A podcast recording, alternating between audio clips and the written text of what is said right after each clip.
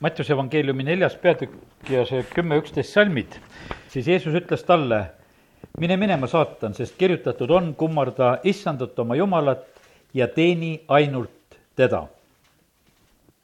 ja täna õhtul ma tahangi nüüd rääkida nagu sellest teisest poolest, kui rääkisime kummardamisest eelmisel korral, siis täna tahaksin rääkida Jumala teenimisest. kui Jeesus oli selle väite saatanale ütelnud, siis üksteist salm ütleb siinsamas edasi, siis jättis kurat Jeesuse rahule. ja vaata, ingleid tuli tema juurde ja need teenisid teda. kui me oleme otsustanud, et me kummardame Jumalat ja kui me oleme otsustanud seda, et me teenime teda, siis tegelikult sellega on nagu üks valik ära tehtud. ja kurat proovis, et äh, Jeesus kummardaks teda aga kui Jeesus oli kindlalt nagu selle valiku välja ütelnud ja käinud, siis tegelikult tuli rahu. ja ma usun seda, et meil on õppida siit seda samamoodi, et meie elus on väga tähtis see, et me oskame teha selliseid kindlaid otsuseid. sest need kindlad otsused tegelikult aitavad nagu piire maha panna ja asju selgeks teha. ma lähen nüüd korraks psalmi üheksakümmend üks, ma loen sealt edasi kohe üheksandast salmist, kus on öeldud, sina, issand, oled mu varjupaik. kõige kõrgem oled sina, mu hing, võtnud oma eluasemeks. ei taba õnnetus sind, ei lähene häda su telgile, sest tema annab oma inglitele sinu pärast käsu sind hoida kõigil su teedel. Vene keeles on öeldud see üheksandas salmis, et, et kõige kõrgem oled sina, mu hing, valinud omale eluasemeks. kurat nägi sedasi, et Jeesus ütleb, et ma ei kummarda sind, siis ta jätab teda rahule ja inglid tulevad ja teenivad teda.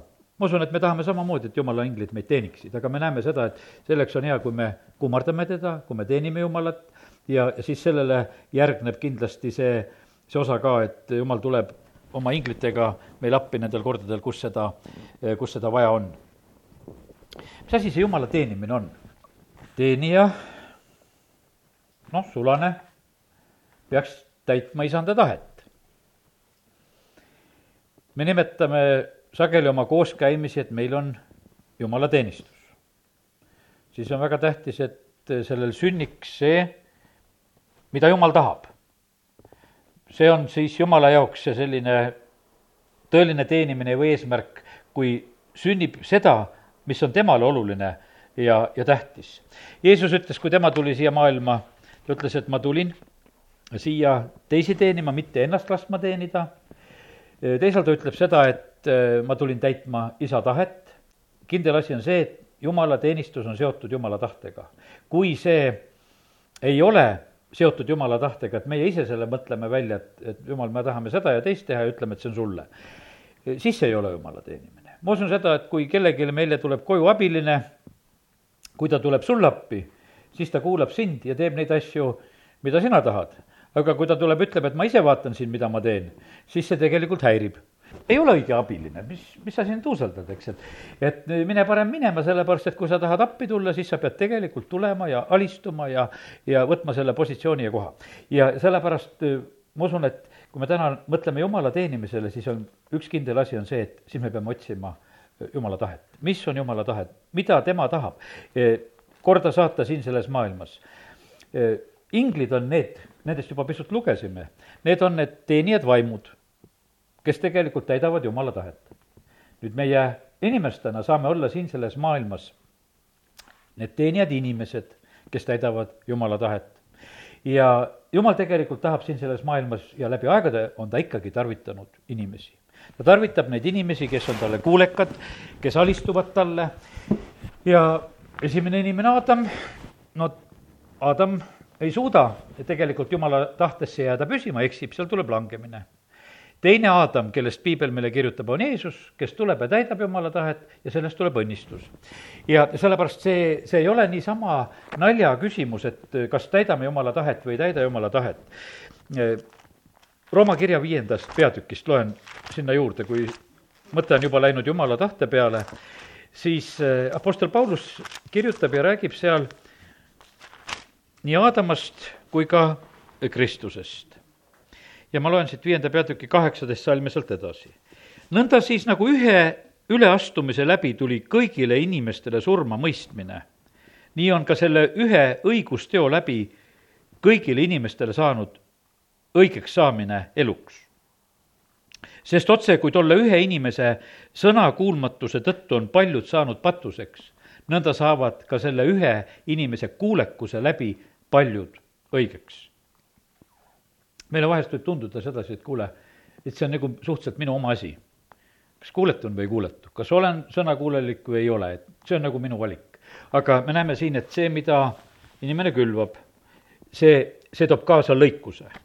Adam külvas sõnakuulmatust ja see sai osaks tegelikult kogu inimkonnale.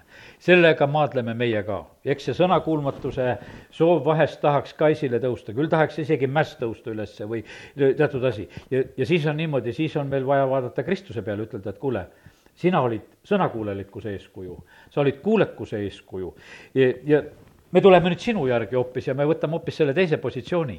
ja sellepärast, ja siis on meile nagu see õnnistus ja vili tulemas ja sellepärast ühe asja kaudu eh, suurenes patt siin selles maailmas. jäta sellepärast meelde, et kui oled sõnakuulmatu, siis tegelikult sinu kaudu suureneb patt siin selles maailmas. kui oled kuulekas, siis sõna ütleb, et sinu kaudu suureneb arm siin selles maailmas. ja sellepärast eh, seadus on aga kõrvalt sisse tulnud, järgmine salm ütleb, et üleastumine suureneks. ent kus patt on suurenenud, seal on saanud ka arm ülirohkeks. et otse kui patt on kuningana valitsenud surma abil, nõnda valitseks armgi kuningana õiguse kaudu ja viiks igavesse ellu Jeesuse Kristuse, meie issanda läbi. ja sellepärast Jumal tegelikult otsib siin selles maailmas neid inimesi, kes oleksid kuulekad. kui Iisrael tuleb Egiptusest välja, kui Mooses, kes on üks ustav jumala sõlane, kellest jumala sõna ütleb, et ta oli väga alandlik, jumal kutsub teda päris pikaks ajaks, et tule mäe peale ja ta pidi vaata seal veel paar korda käima ja ja nüüd on niimoodi, et see rahvas on all. ja Aaron sellel ajal saab hakkama suure sõnakuulmatusega. ta teeb ebajumala sellel ajal. ja täiesti selline teadlik tegu, millesse ta tegelikult lükkab sellel, sellel hetkel nagu selle rahva ja ja see rahvas tuleb oma soovide ja asjadega sellel hetkel, et noh, tee meile jumalaid, meil ei ole. ja nad olid ju sealt Egiptusest välja tulnud ja sellepärast see e, meel oli nendel uuendamata, ega nad ei olnud ju uuesti sündinud inimesed, me peame sellega arvestama, meil on võib-olla isegi natukese raske nagu seda Iisraeli rahvast nagu sellisel hetkel nagu mõista. mis meil viga mõista praegusel hetkel jumala asju, kes me oleme päästetud saanud ja kui meil on jumala vaim ja meil on jumala sõna. ei olnud neil seal jumala sõna, ei olnud neil jumala vaimu, see oli juhtide peal ja, ja nüüd olidki niimoodi, et nad olid selles mõttes nagu ilma peata, see rahvas. ja kui pea, kes tegelikult peaks nagu juhtima, kellele olid antud ju tegelikult Moosese poolt ka volitused, et sina pead praegusel hetkel olema siin ja seda rahvast aitama. kui see ka ei julge sellel hetkel nagu õigeid otsuseid ja asju teha, siis tegelikult selle ühe üleastumise kaudu said paljud patus lihtsalt see, see moment. ja sellepärast on see niivõrd tähtis, et meie ka, kes me iganes oleme, mingeid positsioone me omame igaüks. meil on mingi oma perekond, meil on mingid omad lähedased, meil on nagu ütleme, sellises vaimulikus mõttes mingisugune positsioon, et meid ka järgitakse, et, et kui meie teeme mingisuguse valiku või sammu, siis see toob tegelikult kaasa, meie kuulekust toob õnnistust ja sõnakuulmatus tegelikult külvab seda, et, et hoopis patt suureneb ja asjad lähevad halvemaks. ja sellepärast on jumala sõna meile siin Rooma kirjas veel, kaheteistkümnes peatükk räägib sellest ju jumala tahtest. ja esimene, teine salm. nüüd, vennad, kutsun ma teid üles jumala suure alastuse pärast tooma oma ehud jumalale elavaks, pühaks ja meelepäraseks ohvriks. see olgu teie mõistlik jumalateenistus. ja ärge muganduge praeguse ajaga, vaid muutuge meele uuendamise teel, et te katsuksite läbi, mis on jumala tahtmine, mis on hea, meelepärane ja, ja täiuslik jumala tahtmist tuleb uurida, jumala tahtmisest tuleb lausa püüda aru saada, seda tuleb otsida, seda tuleb lugeda, seda tuleb küsida, seda tuleb paluda, sellega tuleb tegeleda. ja muutuge teiseks meele uuendamise teel. küsimus ongi selles, et kas me viitsime tegeleda selle asjaga, laul üks ütleb seda, et õnnis on inimene, kes ööd ja päevad uurib. tegu on mõtlemisega ma usun seda, et me, kes me täna siin koos oleme, et äh, ma usun, et me oleme kõik need inimesed, kes me oleme suutelised mõtlema. praeguse aja noorte pärast ollakse väga mures, et ütleme, see elu muutub järjest nagu primitiivsemaks, et mingid nupud ja pildid ja asjad liiguvad ja telekad ja asjad, et et noh, et kus sul ei ole nagu mõtlemist, et ei loeta raamatuid ja ja, ja inimene muutub hoopis teistsuguseks äh, selle tõttu, sellepärast et tegelikult kui mõtleme äh, vanemaid põlvkondasid ja inimesi, et et eh, noh, kes kasvasid teisel ajal, kes lugesid, õppisid keeli, oskasid paljusid keeli, eh, lausa imestad, et kuidas nad seda suutsid, et, eh, et meie praegusel hetkel no, et nagu võimalused oleksid ju palju paremad ja, ja need tehnilised lahendused ja asjad, mis kõik olemas. aga tegelikult see tuli treeningu, see tuli tööga, see tuli sellega, et, et ka mõtlemist arendati. ja sellepärast on see nii, et, et kui me täna oleme siin, see see paar tundi, mis me oleme ka jumala ees, see on tegelikult meile väga suureks õnnistuseks, kui meie nagu mõtleme, kui meie aju töötab, sellepärast et et eh, ei oskagi öelda seda, et kui, kui palju me päeva jooksul mõtleme selliselt päriselt niisuguseid selliseid mõtteid, et millel on nagu mingi sisu ja tulemus. ma usun, et paljud on sellised üsna pinnapealsed asjad, et mõtleme, et seda on vaja teha, et vaata, poes käin, ostan seda, seda, et ja et kui ma ära ei unustaks ja siis kirjutad veel üles, et ei ära ei unustaks ja ja noh, et ja no ütleme, et need on sellised eh, niisugused lühiajalised pinnapealsed mõtted, aga et minna selle eh, asja juurde niimoodi, et, et sa võtad jumala sõna kätte ja loed ja uurid nii kaua, et kui sa tunned, et kuule, ma olen väsinud. Et noh, et ma väsisin lihtsalt sellest ära, et ma lugesin, et ma mõtlesin, et ma püüdsin nagu sellest aru saada, et, et mida seal on öeldud. siis tegelikult ma usun, et vaata, see juba liigutab meie ajusid ja neid ühendusi tegelikult, mis peavad olema siin need, need neutronid, mis me ajus siin peavad liikuma ja käima, need ühendused tegelikult nagu, nagu iga ühendusega on lugu, et, et need peavad nagu olema töös.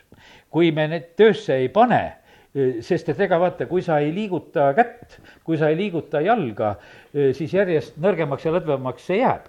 ja, ja nii on meie ajuga ka, kui seda ka ei liiguta, siis see ka lihtsalt tardub seal ära, sellepärast et noh, et ei olegi väga vaja teist. Et väga lihtsaid ülesandeid talle antakse ja, ja, ja sellepärast ma usun seda, et, et, et jumal soovib, et meie mõtleksime. jumal annab meile neid kõrgemaid mõtteid, ta ütleb, et minu mõtted on kõrgemad kui teie mõtted ja sellepärast me võime mõelda nii, et jumal, et sina annad meile nagu seda kõrgemat matemaatikat. sina, sina annad meile oma ilmutusi. see on tõesti niimoodi, et see on vahva siis, kui sa tunned ühel hetkel, et kuule, ma jälle sain ühest asjast aru, et mida sina, Jumal, tegelikult oled tahtnud mulle ütelda või tahtnud mulle ilmutada. ja, ja sellepärast on see nii, et, et äh, kiitus Jumalale, et me täna võime olla siin ja üksteist innustada selle koha pealt, et katsume teada saada Jumala tahet, katsume seda otsida, sest kui me teame tema tahet, siis me tegelikult oskame teda teenida, olla Jeesuse käteks ja jalgadeks, Kristus on koguduse pea, ta tahab tegutseda siin selles maailmas, aga mida teha? see pea kaudu peab tulema see teadmine ja kui me tunneme Jumala tahet, siis me saame seda täita ja teha. kui Iisrael jõuab tõotatud maale, siis tegelikult eh, on hoiatus, et kui kõht saab täis, siis ärge unustage Jumalat teenida sest seal oli selline, et teatud mõttes elu läks ilusaks ja siis juhtus just seesama lugu ja see juhtuski tegelikult, sest see Jooso järgne põlvkond taganeb jumalast, sest et see elu, mis oli, tahtis elamist, töö tahtis tegemist, see kõik nagu haaras, neelas ja, ja nad unustasidki Jumala. ja sellepärast Jumala sõna hoiatab viies Mooses kuus ja kaksteist ja neliteist kuni salmid loen sealt, siis hoia et sa ei unusta issandat, kes sind tõi välja Egiptuse maalt orjuse kojast. karda issandat oma jumalat ja teeni teda ning vannu tema nime juures. ära käi teiste rahvaste jumalate järel, kes asuvad teie ümber. teenimine tähendab teha tööd, vaeva näha, olla orjaks lausa, alistuda, võtta enda peale ülesandeid teenimine on selline, et kus, kus on väga konkreetse, konkreetsed asjad. jumala kummardamine, millest me rääkisime, see me anname jumalale au. ka selles on oma, oma ütleme, niisugune ka võib-olla füüsiline osa, tõstad käsi ja, ja, ja paned põlved maha või noh, kuidas sa seda teed, eks, et see osa. aga kui sa tahad Jumalat teenida, siis tegelikult on see väga kindel asi, et sa pead eh, olema valmis võtma teatud ülesandeid ja neid eh, korda saatma Iisraeli rahval oli niimoodi, et eh, üks suguharu, leviidid, valiti ära need, kes pidid olema eh, seal koguduse telgi juures teenistuses. kui seal kõrbes see telk tehakse, siis tegelikult valitakse üks suguharu, kes peab hakkama seal telgi juures teenistust tegema. nüüd meie, kes me oleme Uue Testamendi jumala lapsed, kes me oleme päästetud, siis me võime tõmmata võrdusmärki leviitide ja enda vahele, sest et see tuleb nii väga selgelt välja, kui me jumala sõnast seda loeme. viies Mooses ja kümnes peatükk, kaheksa sealt edasi. sel ajal eraldas issand Leevi suguharu kandma seaduse laegast, seisma issanda palge ees, teenima teda ja õnnistama tema nimel kuni tänapäevani. sellepärast ei ole Leevil osa ega pärandit koos vendadega, issand on tema pärisosa, nagu issand su jumal temal on öelnud. mida siis see Leevi suguharu pidi tegema? Nad pidid kandma seaduse laegast. mis on see pilt nagu meie jaoks? meie peame olema need, kes me kanname siin selles maailmas seda jumala sõna edasi. me, siin on seadus kirjas nii vana kui uus seadus, meil on see siin olemas, meie oleme need, kes me kanname seda siin ilmas, et me hoolitseme nagu selle eest, et, et see ei läheks mitte ajalukku, vaid et, et see oleks rahva hulgas, et see oleks kuulutatud, et see oleks räägitud. ja Leevi suguharu oli see, kes pidi kandma seaduse laegast, lepingu laegast, seal sees oli ju see väga oluline asi, seal olid need käsulauad, need kümme käsku, mida jumal oli oma sõrmega kirjutanud nendele kivilaudadele, need olid seal sees ja, ja Leevi suguharu pidi hoolt kandma selle eest, et seda seadust hoitaks ja seda seaduse laegast kantaks. Nad pidid seisma issanda palge ees see on üks osa, näed, täna me tulime ka siia Jumala ette, me kiidame, ülistame, me tuleme oma palvetega. kes oleks müüripraos, kes teeks palveid maa pärast, et Jumal saaks seda maad hoida ja kaitsta ja varjata, nii nagu sõna õpetab meile seda. see on jälle ka meie osa. nii sõna kandmine, palvetamine, siis on see teenimine, millest me täna räägime, see kolmas sõna, et peab teenima. me teenimisest räägime jätkuvalt veel edasi. ja siis olid, õnnistama peab peavad õnnistama tema nimel kuni tänapäevani, peavad õnnistama. Aaronile antakse need õnnistussõnad, me tavaliselt ikka, kui lõpetame siin, ütleme ka need Aaroni õnnistussõnad. nõnda pandagu see minu nimi üle Iisraeli rahva ja mina õnnistan neid. õnnistuse sõnu tuleb rääkida välja, neid tuleb rääkida välja, see on, vaata, jumal on teinud nii, et me oma südames usuga, usume ja suuga tunnistame ja, ja sellepärast on nii, et me ei saa ainult neid lugeda, vaid see on väga tähtis ja oluline asi, et me räägime õnnistuse sõnu välja. et me räägime neid oma pereliikmete kohta välja, et, et me ei, ei jätaks nagu seda tegemata, sest et Leevi suguharu pandi selleks, et nad õnnistaksid tema nimel, sellepärast me teeme ikka, näed, et meil on ikka koguduses ka, et kui lapsed sünnivad, sellel aastalgi mitu korda see rõõm olnud, pisikesed sünnivad, tuuakse nad jumala kotta, me palume nendele õnnistust, nii nagu Jeesuse juurde toodi lapsi, ta õnnistas neid. me räägime välja neid õnnistavaid sõnu ja, ja sellepärast eh, jumal on kutsunud meid ka just sellesse ülesandesse, sõna, eh, palve, õnnistamine ja jumala teenimine siis väga võib-olla erinevate ja mitmete tegevuste kaudu. siin edasi tulevadki, et jumala nõuded, et eh, kuidas me seda tegema peame kaksteist salm ja nüüd, Iisrael, mida nõuab issand su jumal sinult muud, kui et sa kardaksid issandat oma jumalat, käiksid kõigil tema teedel, armastaksid teda, teeniksid issandat oma jumalat kõigest oma südamest, kõigest oma hingest, et sa peaksid issanda käske ja seadusi, mida ma täna sulle annan, et su käsi hästi käiks.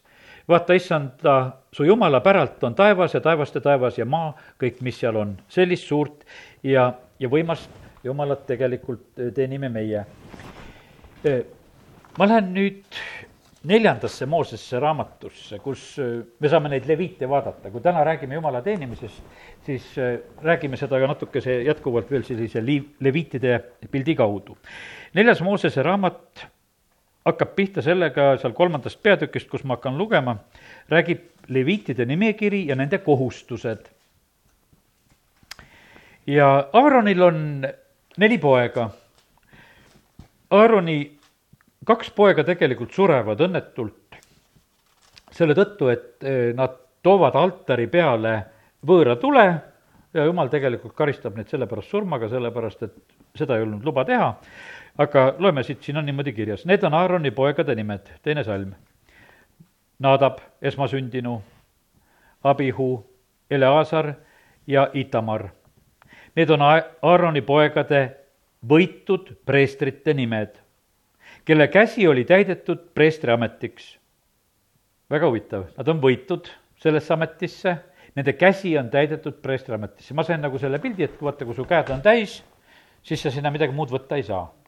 see ongi ainult see, mis on sinu ülesanne, see on kõik nagu pühendatud, venekeelne tõlge ütleb, et nad olid pühendatud sellesse ametisse, nendel muud ametit ei olnud, nende käed olid täis seda. nagu lapsel on need, et võtab omale mänguasjad kätte, järgmise saab võtta, siis viskab ära need, siis saab järgmisi võtta. sest et käed on täidetud, ennem ei saa. ja nende käed olid täidetud, et nad pidid olema preestriametis. aga Nadab ja Abihu surid issanda ees, kui nad si-, Siinai kõrbes viisid issanda ette võõra tule ja neil ei olnud lapsi ja issand rääkis Moosesega, öeldes, too Leevi suguharu ja sea see preester Aaroni ette teda teenima. Nemad teostagu, mis on tema ülesandeks ja mida terve koguduse telgi ees olev kogudus peab tegema, toimetagu elamuteenistust. Nemad hooldagu kõiki koguduse telgi riistu ja Iisraeli laste kohustusi, toimetades elamuteenistust. anna leviidid Aaronile ja tema poegadele. Nad on Iisraeli laste seast antud täielikult temale. aga käsi Aaronit ja tema poegi, et nad peaksid oma pre-, preestriametit. võõras, kes ligineb, surmatagu jumal oli teinud nii, et see telgiteenistus, see pidi olema väga kindlate inimeste kätes, see ei olnud ükstapuha kelle kätes, et igaüks, kes hüppab liiga, hakkab midagi tegema, vaid ta oli valinud Leevi suguharu ja need pidid seda tegema, need lausa anti anti Aaroni kätte, öeldi, et Aaronile, et need me toome sinu juurde, need on eh, sinu teenistuses, nad peavad toimetama kõike seda, mis on vaja telgi juures teha, mida on nagu tervel rahval tarvis, teised suguharud elasid oma elu, nad käisid pühade puhul, nad käisid, ütleme, noh, nii nagu see kord oli, hingamispäevad, asjad, eh, teenisid Jumalat, aga see le-, leviitide grupp oli see, kes pidid teenima, kes pidid olema sellele asjale kõige lähemal. ja, ja siin oli lausa käsk käes et äh, nad peavad pidama oma preestriametit ja nad ei tohi sellest loobuda. täna, kui me oleme siin juba mitu korda rõhutanud seda, et me oleme Uue Testamendi aegsed need leviidid, siis tegelikult see leviidi jutt käib meile. me peame olema, meie peame olema pühendunud ka Jumala teenimisele, me peame neid asju toimetama, tegema, mis on tarvis. Äh, Aino, kes on praegu Ukrainas, just ütles sedasi, et nii tore on näha, et äh, kuidas see Dmitri kogudus, kui hästi see teenib, et kuidas see rahvas on töötamas seal. ja et Äh, hästi innukalt ollakse nagu kõiki ülesandeid täitmas ja järjest rõhutatakse, et te peate tegema seda kõige paremini, nii kuidas oskate, nii teete. ja, ja sellepärast ütles, et ja ma venda Dmitrit nägin nendel päevadel, mis Aino praegu seal on olnud, lihtsalt ühe korra kuskilt käis läbi, aga, aga ütles, et see kogudus toimib ja need inimesed, kõik, kes on, kõik on töös, kõik on tegevuses, kõik asjad toimivad, sellepärast et see rahvas on niimoodi õpetatud ja nad on tööle pannud. ja, ja sellepärast äh, levitide osa on tegelikult väga oluline ja tähtis, et nad oleksid teenistuses väga tõsiselt kaasas. ja jumal ootab, et, et tema ülesanded oleksid hästi ja korralikult täidetud siin selles maailmas ja sellepärast täna nendest asjadest niimoodi me nüüd siis püüame rääkida. nüüd üks väga huvitav lugu, kui siin sellest neljand-, kolmandast peatükist veel lugeda, kaksteist salm on öeldud mina, vaata, olen võtnud leviidid Iisraeli laste seast kõigi Iisraeli laste esmasündinute emakoja avajate asemel. leviidid olgu minu päralt, sest minu päralt on iga esmasündinu. päeval, mil ma lõin maha kõik esmasündinud Egiptuse maal, pühitsesin ma enesele kõik esmasündinud Iisraelis, nii hästi inimesed kui loomad. Nad on minu päralt, mina olen issand. seal oli üks selline üks arvepidamine tegelikult, mis siin äh, nüüd selles äh, peatükis tuleb veel edasi. Leviite loeti kokku äh, sellel hetkel ja teate, millisest vanusest? ühe kuu vanusest kuni elu lõpuni. Leevi suguharust kõik mehed loeti kokku ja neid saadi kakskümmend kaks tuhat. kui siin seda peatükki edasi jälgida. loe ära kõik meesterahvad, ühe kuu vanused ja üle selle siis kästi ära lugeda järgmiseks, jumal teeb matemaatikat, ma täna rääkisin, et meil on mõtlemisega tegemist, näed. meil on, lausa arvutame siin ka. järgmine asi, kästi ära lugeda, et kui palju on esmasündinuid terves Iisraelis. iga pere esmasündinu. see on erinevalt, et mõnes peres on esmasündinud rohkem, et kui on kaks esmasündinut abielluvad pluss nende esimene laps, siis on ühes peres võib-olla juba kolm esmasündinut. kui on see nii, mõnes peres see juhtub vahest nii. ja jumalale läheb väga tegelikult korda see esmasündinute asi. nüüd loetakse ära esmasündinud, kes on Iisraelis ja saadakse kokku kakskümmend kaks tuhat kakssada seitsekümmend kolm. kakssada seitsekümmend kolm esmasündinut on rohkem, kui on levite. Ja siis öeldakse, et nüüd on selline lugu, et nende kahesaja seitsmekümne kolme eest, neljakümne kuues salm siin ütleb, nende kahesaja seitsmekümne kolme lunastamiseks, kelle võrra Iisraeli laste esmasündinud on rohkem kui leviite võta viis seeklit iga pea kohta, võta seda püha seekli järgi, kakskümmend keera seeklis, anna see raha Aaronile ja tema poegadele lunahinnaks nende eest, kes on üleliigsed. Väga huvitav sõna, aga kes on üleliigsed, ma ei ole seda sõna rohkem uurinud, aga keda nagu lihtsalt on rohkem. ja seal pidid nad tooma eraldi ohvri, aga muidu olid need leviidid, ka see ühe, ühe kuu vanune, see oli juba ka, asendas seda, ta oli seal öö, oma kuskil hällis, võiks ütelda aga ta oli jumala ees juba täitsa olemas kui olemas, et siin on meesterahvas, see ühekuune ja see on leviit ja sellega on asi korras. ma vaatasin, kui lastelaagrit tegime seal, et pärast õhtune ülistus, kus oli, et, et siis seal väike Jaakop oli seal kõlari juurde läks ja vahepeal seal naeratab ja vahepeal on käsi üleval ja, ja kui see muusika käis ja ma mõtlesin, et üks väike leviit, kes tegelikult sellel hetkel nagu, ja vaata, jumalale läheb see arvesse. meile võib tunduda see, kuule, et no laps. kui jumal vaatas need ühekuused ära ja ütles, et kuule, selge ta on siin olemas, ta on minul arves. ja muideks on niimoodi, et vaata, Hebra kirjast tuleb ju see väga selgelt välja, et, et meie, kes me oleme saanud päästetud, me läheme sinna selle esmasündinute kogu juurde. see Hebra kirja, kus ma märkisin ka see kaheteistkümnes peatükk, kakskümmend kolm salm, kus räägitakse, see esikpoegade koht. jumalal on see ainusündinud poeg, Jeesus Kristus ja ja meie kõik, kes me oleme päästetud saanud, me põhimõtteliselt saame nagu sellises vaimulikus mõttes, saame sellise esmasünniõiguse me oleme uuesti sündinud. me, me oleme selles samas positsioonis, mis on Jeesus. ja sellepärast on see Jumalale, on see nagu niisugune eriline eh, tähtis asi ja, ja sellepärast Jumala sõna seda väga selgelt ka ära mainib. ja, ja me näeme seda, et, et kuidas Jumal tegelikult oma teenimist tegelikult korraldab kuidas need asjad peavad olema lahendatud ja, ja niimoodi siis Iisrael seal lahendab need ära. ega selles teenimises, see üks oli selline, et noh, et, et iga selle esmasündinu eest pidi keegi leviit olema, aga järgmine neljas peatükk räägib. seal oli ju tegelikult, mis seal oli teenistuses, seal oli ohvriloomad, seal oli põletamine, seal oli tuha koristamine, see kõik tegelikult oli vaja teha. seal olid puud, seal oli veed, seal olid vett vaja tassida, puid vaja tuua, tuhka koristada, kõik puhastada, korrastada, tegelikult see, see ei olnud mitte mitte sugugi kerge töö. et äh, kui ma mõtlen, et äh, Vana-testamendi aegseid preestreid, et kui oled ise olnud vahest mõne looma tapmise juures juures ja oled abiks olnud, siis mõtled, et kuule, et see ei ole mitte sugugi kerge töö ja ikka mõtlesin, et küll nendel preestritel oli raske töö. et äh, sa tiri neid loomi, sa verista neid loomi, sa põleta neid, sa korista seda kõike, et see, see, see ei olnud mitte mingisugune selline lihtne töö ja sellepärast see töö, mida tegelikult meie ka jumala riigis tegema peame, see ei peagi lihtne olema. seda pole nagu kuskil öeldud, selles ongi tegelikult see töö, selles on see vaev. ja, ja sellepärast ja need ülesanded olid tegelikult väga, väga ära ka jagatud.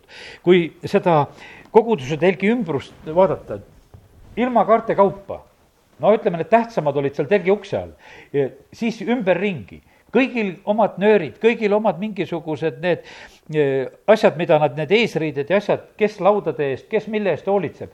sest et tegelikult, kui mindi rännakule, siis pidid kõik need asjad kaasa võetama, igaüks võttis midagi kaasa. teises kohas pandi see jälle ülesse ja, ja tegelikult oli selle juures, kui me siin lugesime, et meie jaoks on see nagu arusaamatu tuhanded inimesed olid ju tegelikult seal kallal, kes, kes seda asja tegelikult organiseerisid ja korraldasid, et, et see jumala teenimine võiks toimida. aga kuna seda tegid nii paljud inimesed, siis tegelikult see saigi tehtud. ja sellepärast, ega jumal ootab sedasama ka. sageli öeldakse seda, et kogudustes ja, ja üldse organisatsioonides, kus on sellised ühiskondlikud organisatsioonid, et, et on teatud inimesed, kes on aktivistid ja, ja siis üks osa on sellised, et no kes lihtsalt käivad ja, ja et aga tegelikult on see selline, et jumal ootab, et meie kõik oleksime teatud asjades nagu kaasas ja teenimises. ja nüüd ma täna tahaksin nagu lohutada, me vahest nagu mõtleme, et aga kus see siis minu see suur tähtis töö ja teenimine on otsi jumala tahet, küll jumal sulle ilmutab, mis on sinu tähtis töö ja teenimine. ja, ja see ei pruugi üldse olla tegelikult nii suur ja, ja, ja ületamatu asi. see on see üks inimene võib-olla, keda sa pead elus võib-olla teenima see, see ei ole üldse, vaata jumalal ei ole tegelikult probleem asjades, et ta, kui kõik inimesed täidaksid nagu oma ülesandeid, siis saaksid ju kõik asjad ka tegelikult tehtud. kui Jeesus räägib selle halastaja samaarialase loo, et seal leviit ja preester lähevad mööda seda maas, lamaja on maas, samaarlane alastab ta peale, tõstab oma looma selga, viib öömajale, võiab teda, hoolitseb ta eest, teeb kõik need asjad ära, ta ütleb, et tehke sedasama. no kuule, iga päev meil ei satu neid maal lamajaid ette aga on teatud perioodid või on teatud hetked, kus noh, kus ongi see, kus on see hetk käes, et, et sa lähed ja teed selle teenimise, et ütleme, et, et sa tõesti näed, et sedasi, et on õnnetus juhtunud, on häda. näeme siin samamoodi, et kasvõi meil selle oma grupi hulgast, et, et keda on vaja aidata on haige, on vaja arsti juures käia, on vaja jumalateenistusele tuua, viia. tehakse neid asju, tegelikult need ongi need suured teenimised. Teate, mille pärast? sellepärast, et jumal armastab inimest. me oleme tema loodud me oleme tema jaoks niivõrd tähtsad, jumal eh, tegelikult vaatab armastusega iga inimese peale. Eh, üks inimene, kui ühes inimeses võib olla leegion kurja vaimu, siis mõtled, et kui suur on tegelikult see inimene. kui Jeesus ajab välja, nii et seal kaks tuhat siga uputavad ennast ära eh, ja et ühes inimeses on seda kurjuse maailma nii suurelt sees siis tähendab, selles inimeses on nii palju headuse mõõtu ja võimalust samamoodi.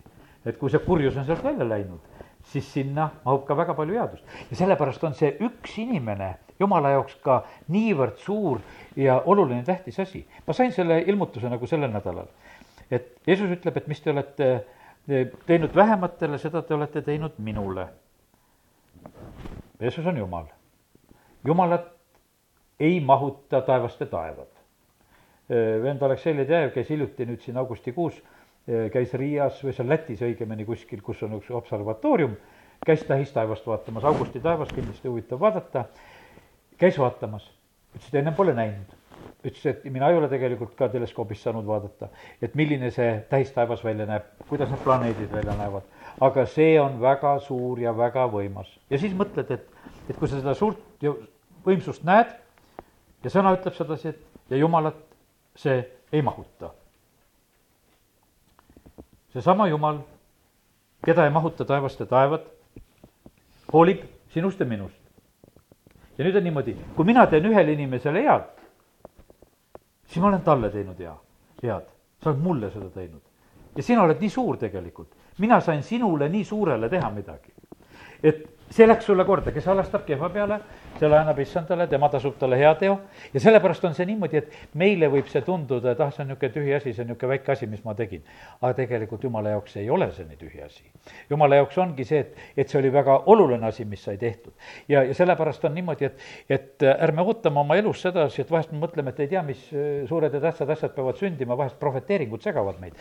lausa selle koha pealt, et räägitakse, et sina hakkad seda ja sina hakkad teist kuule, see on niimoodi, et see, kes sul täna ette juhtus ja käi kuskil lamas ja kui sa oled seda aidanud, siis sa oled tegelikult teinud juba.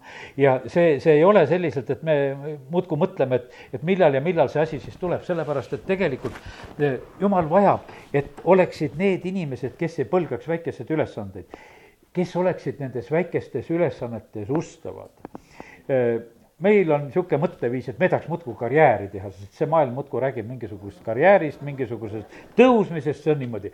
aga see pandi seal mingisuguse telginööri juurde, see leviit sinna ja ole oma aastad, kolmekümnest kuni viiekümneni, kõige oma elu paremad aastad, vaata, sinu asi on see nöör.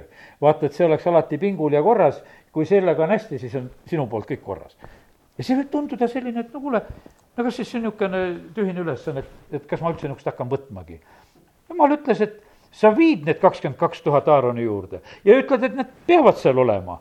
ja, ja nad peavad oma ülesandeid täitma ja nad ei tohi sealt jalga lasta. ja sellepärast, et ma olen valinud selle jaoks, mul on neid vaja, et nad oleksid seal. ja sellepärast täna ma lihtsalt tahaks julgustada seda, et jumalal on vaja neid inimesi, kes tegelikult on valmis täitma ja tegema eh, neid ülesandeid, mis on talle tarvis.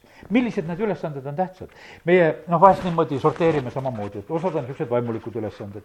ka, kas või võtame need kaks õde, Marta ja Maarja, ma usun, et teame Uuest Testamendist neid kahte kallist õde, Lazaruse õed seal. ühel korral on niimoodi, et, et Maarja pani ennast ilusti istuma ja kuulab, mida Jeesus räägib. Marta tegutseb seal ja Marta ütleb, et kuule, tead, et Jeesus, ütle nüüd oma õele ka, et mis ta laseb mul üksinda toimetada, et, et ütle talle, et ta tuleks mulle appi. see on Luuka evangeeliumi kümme nelikümmend, kus on niisugune jutt. aga Johannese evangeeliumi kaksteist kaks, pärast seda, kui Lazarus on surnust üles äratatud. Nad tegid siis temale seal lõunasöögi ja Marta teenis. Lazarus oli üks neist kes koos Jeesusega istusid lauas. ja sellel korral keegi ei pahanda, et lauda kaeti, vaid sellel korral oli see just väga tähtis asi, et laud oli kaetud. Lazarus on surnust üles tõusnud, nad on rõõmsad seal, no mis sa rõõmsal puhul teed, paned, tood midagi laua peale, noh, see on nii loomulik, et, et sa teed seda, sellepärast et sellel puhul oli vaja teinekord oli selline teine lugu, kus oli tegelikult võib-olla vaja palvetada ja kuulata ja rääkida, võis laua katmata jätta. ja sellepärast täna, kui ma räägin, et ega me ei saa siin üksteisele ära ütelda, et täna Toivo ütles siin ära, et vaata, see on jumala tahtmine, tee sedasi, see on alati õige. ei ole alati õige, vahest on õige lauda katta, vahest ei ole õige.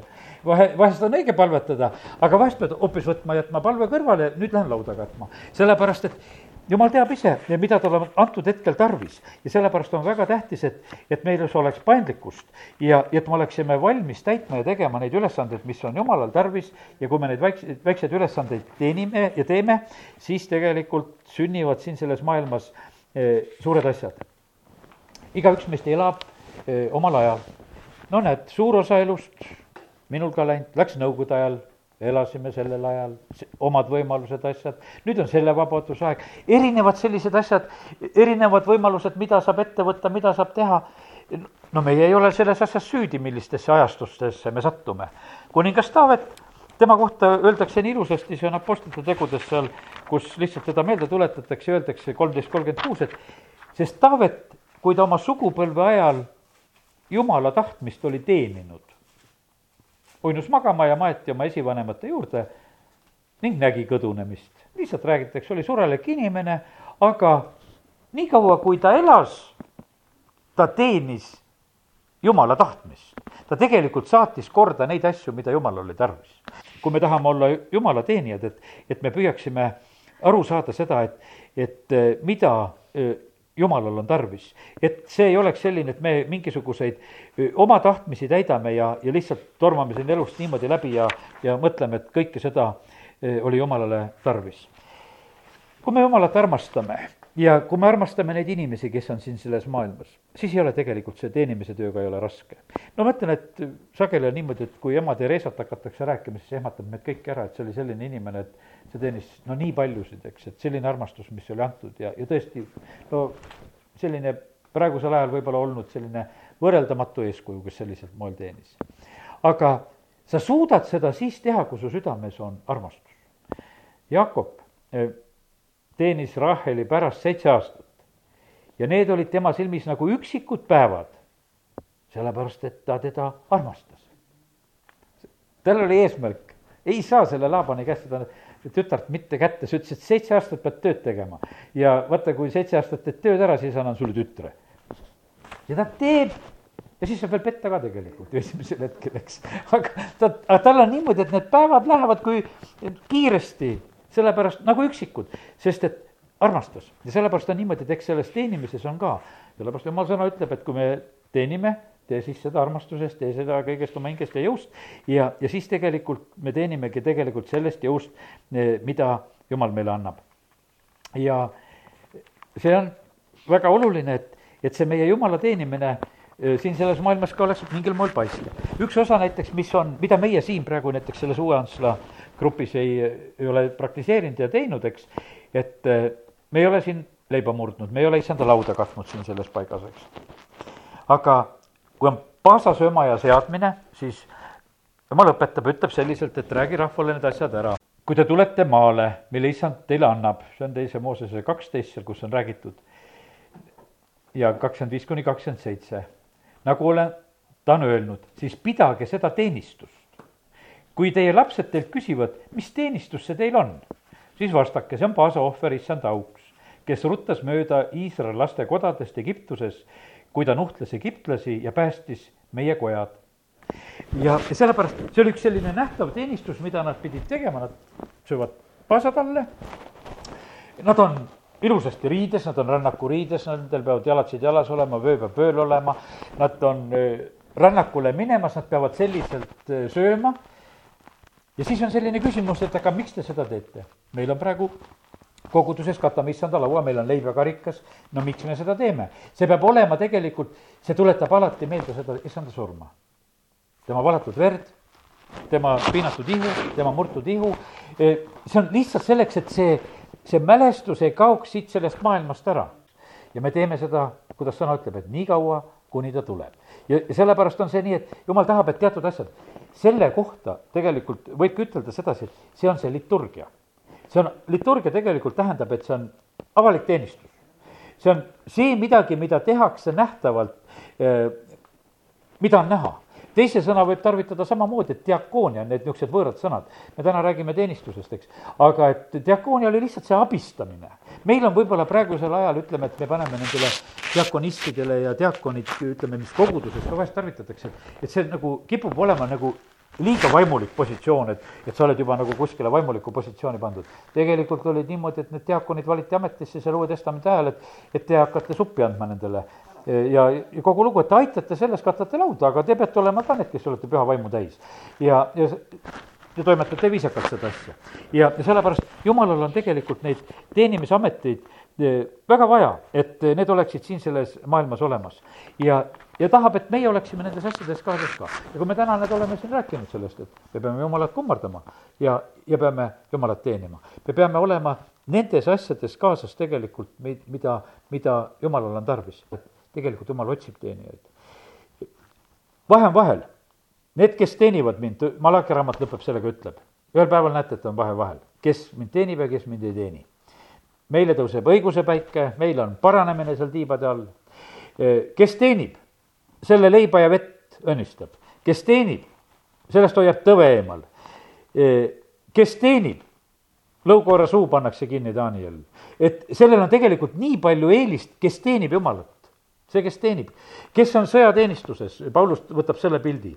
see ei ole argielu askeldustes, see, see on tegelikult täitmas see, seda, seda tahet, mis, mis on lihtsalt seal, need kohustused sellel hetkel. ja sellepärast jumal paneb väga täpselt tähele sedasi, et, et kes me oleme need, kes me siin selles maailmas oleme talle kättesaadavad, kes teenivad. kui olen ise töötanud vahest sellised, noh, et oled olnud teatud sellised väiksed juhtivad positsioonid, kus mul on ka teatud arv allu, alluvaid, tead, mismoodi siis käib? Siis vaatad oma alluvõtte peale ja siis mõtled, et no kelle juurde tasub üldse minna. selle juurde tasub minna, kes sulle kuuletub. ja teine tead, et kuule, see paneb nii palju vastu, ma ei viitsigi temaga tegelema hakata. et kuule, lähen tast mööda, ma lähen ütlen sellele, kes on valmis ära tegema. ja siis olid niimoodi, teadsid, et, et kes oskas kirjutada, kes oskas telefoniga rääkida, kes oskas inimesega ilusasti suhelda, kes oskas mida teha, siis jagasid ülesandeid, kuule, sina tee seda, sina tee seda ja ja siis olid asjad ära lahendatud. ja kas on jumal siis teistsugune või? me vahest nagu mõtleme, et jumal, miks sa mulle ei anna? aga ta teab meie reageeringut. kas, kas me oleme valmis, kas me oleme valmis tegema, mida tal on tarvis? ja, ja sellepärast me vahest nagu ise mõtleme, et me oleksime nagu rohkemaks valmis, aga tegelikult on niimoodi, et meie isa taevas teab täpselt sedasi, milleks me oleme valmis.